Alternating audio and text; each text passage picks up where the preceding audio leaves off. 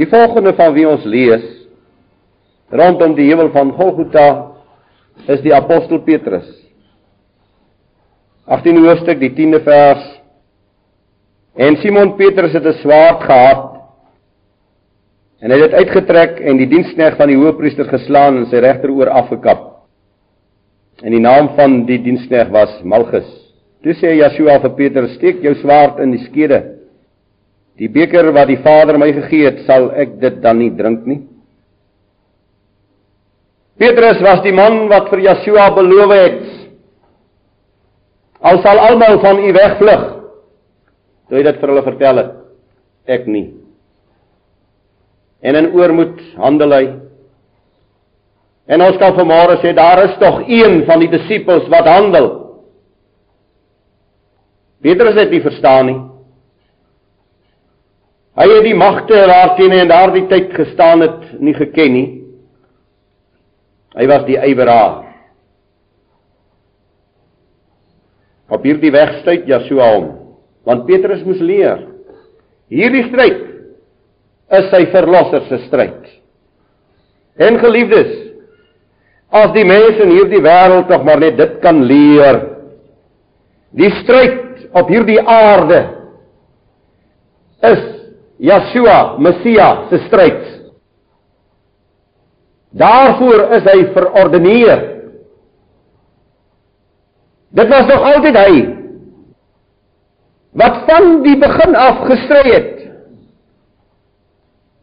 Die mense stryd. Die mense pogings is enkel waan. Daar is maar een held en daar is maar een stryder. En dit is God Jahwe.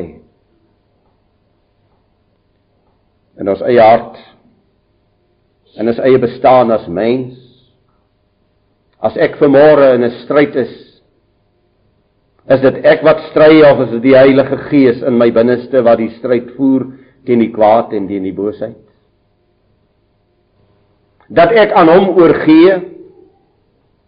As hierdie land en hierdie volk in woesterny inloop en ons kyk die pogings van die mense oor die tyd om die stryd te stry, om die wen te wen. Maar bly dit nutteloos.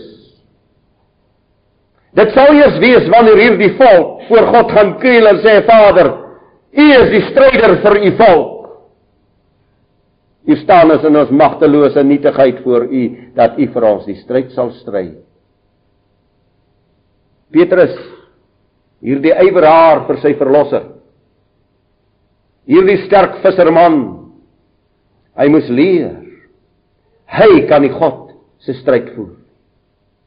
My broer en suster, Kom ons gee dit in die hand van ons Vader, die stryd van ons lewe. As die disipel as die disipels uitmekaar spat, dan volg Petrus. Hy volg hierdie optog, hy volg dit tot in die priesterlike paleis. En dit is daar. En dis daar waar hy agterkom hoe alleen hy staan. En dan begewe sy moed hom Sy moed begewe hom so dat hy vloekend loon.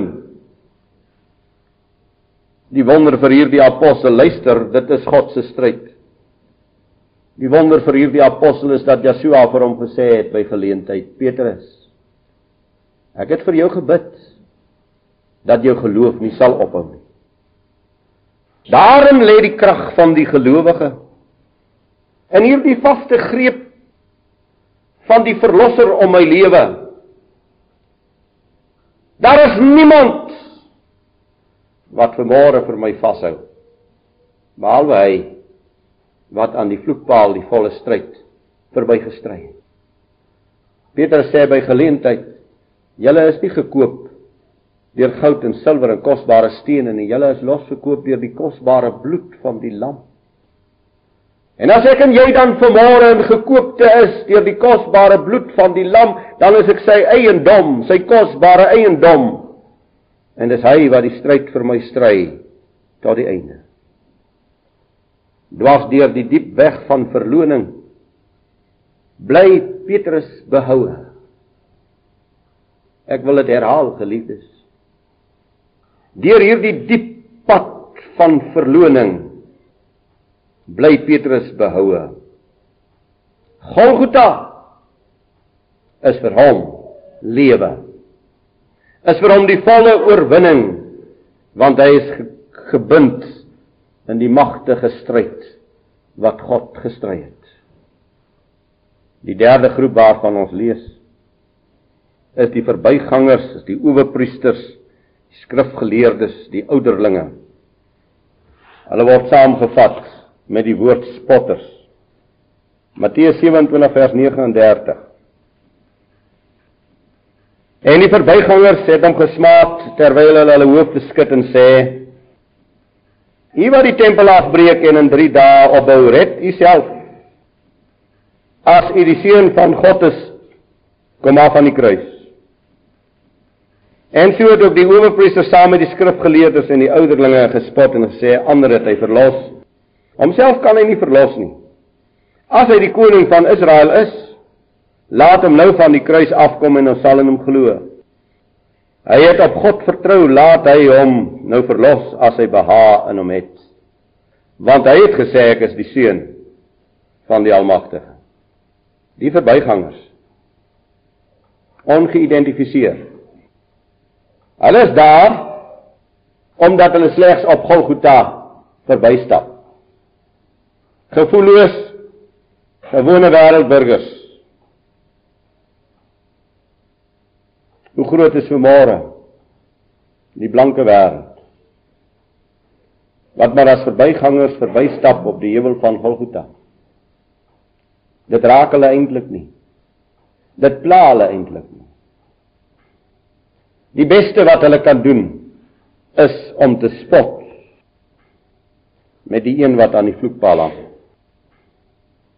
Dit kan 'n mens nog aanvaar. Want dit is die mens.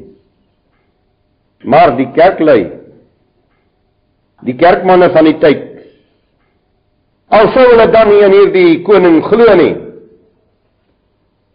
Sou daar tog nie 'n bietjie simpatie in hulle harte gewees het. Nie hulle spot saam uitdagend spot hulle saam die kerk van die tyd en die kerk van die tye. Soveel omdat hulle die waarheid nie geken het nie. Omdat hulle die waarheid nie gesoek het nie. Omdat hulle die waarheid nie geglo het nie. Spot hulle saam met die wêreldlinge. Dis die hartseer verhaal van môre. Die skrifwoord leer vir ons dat by die geslaane langs die pad het die priester en die leviet verbygestap. Hulle het eenvoudig verbygestap. En oor die tye is dit die hartseer verhaal. Hulle wat tog immers 'n bietjie simpatie moet hê, hulle stap verby. Hulle word deel van die groot massa van die wêreld wat spot met God met sy heiligheid. Ek gaan net een saakie vanmôre noem. 'n kerklike wêreld in sy verskriklike onkunde vanmôre. Wat die Godsvolk gekanselleer het. Vir hulle bestaan daar nie meer 'n heilige volk nie.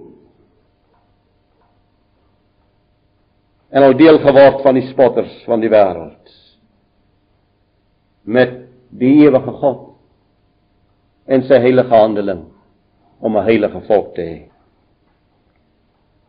Wat 'n mens na vore laat kom in hierdie gedeelte van die spot is die haat, die haat in die hart van die kerklei van die tyd. Maar dit is soos Jesua gesê het, maak die beker vol. Want dan as die regverdige Abel maak julle die wat ek stuur dood. Die volgende waarvan ons lees is Lukas 23 vers 39 En een van die kwaaddoeners wat opgehang is, het hom gesmaat en gesê as u die Messias verlos u self en ons. Maar die ander een antwoord en bestraf hom en sê: "Vrees jy ook God nie terwyl jy in dieselfde oordeel is? Ons tog regverdiglik wat ons ontvang die verdiende loon vir ons dade.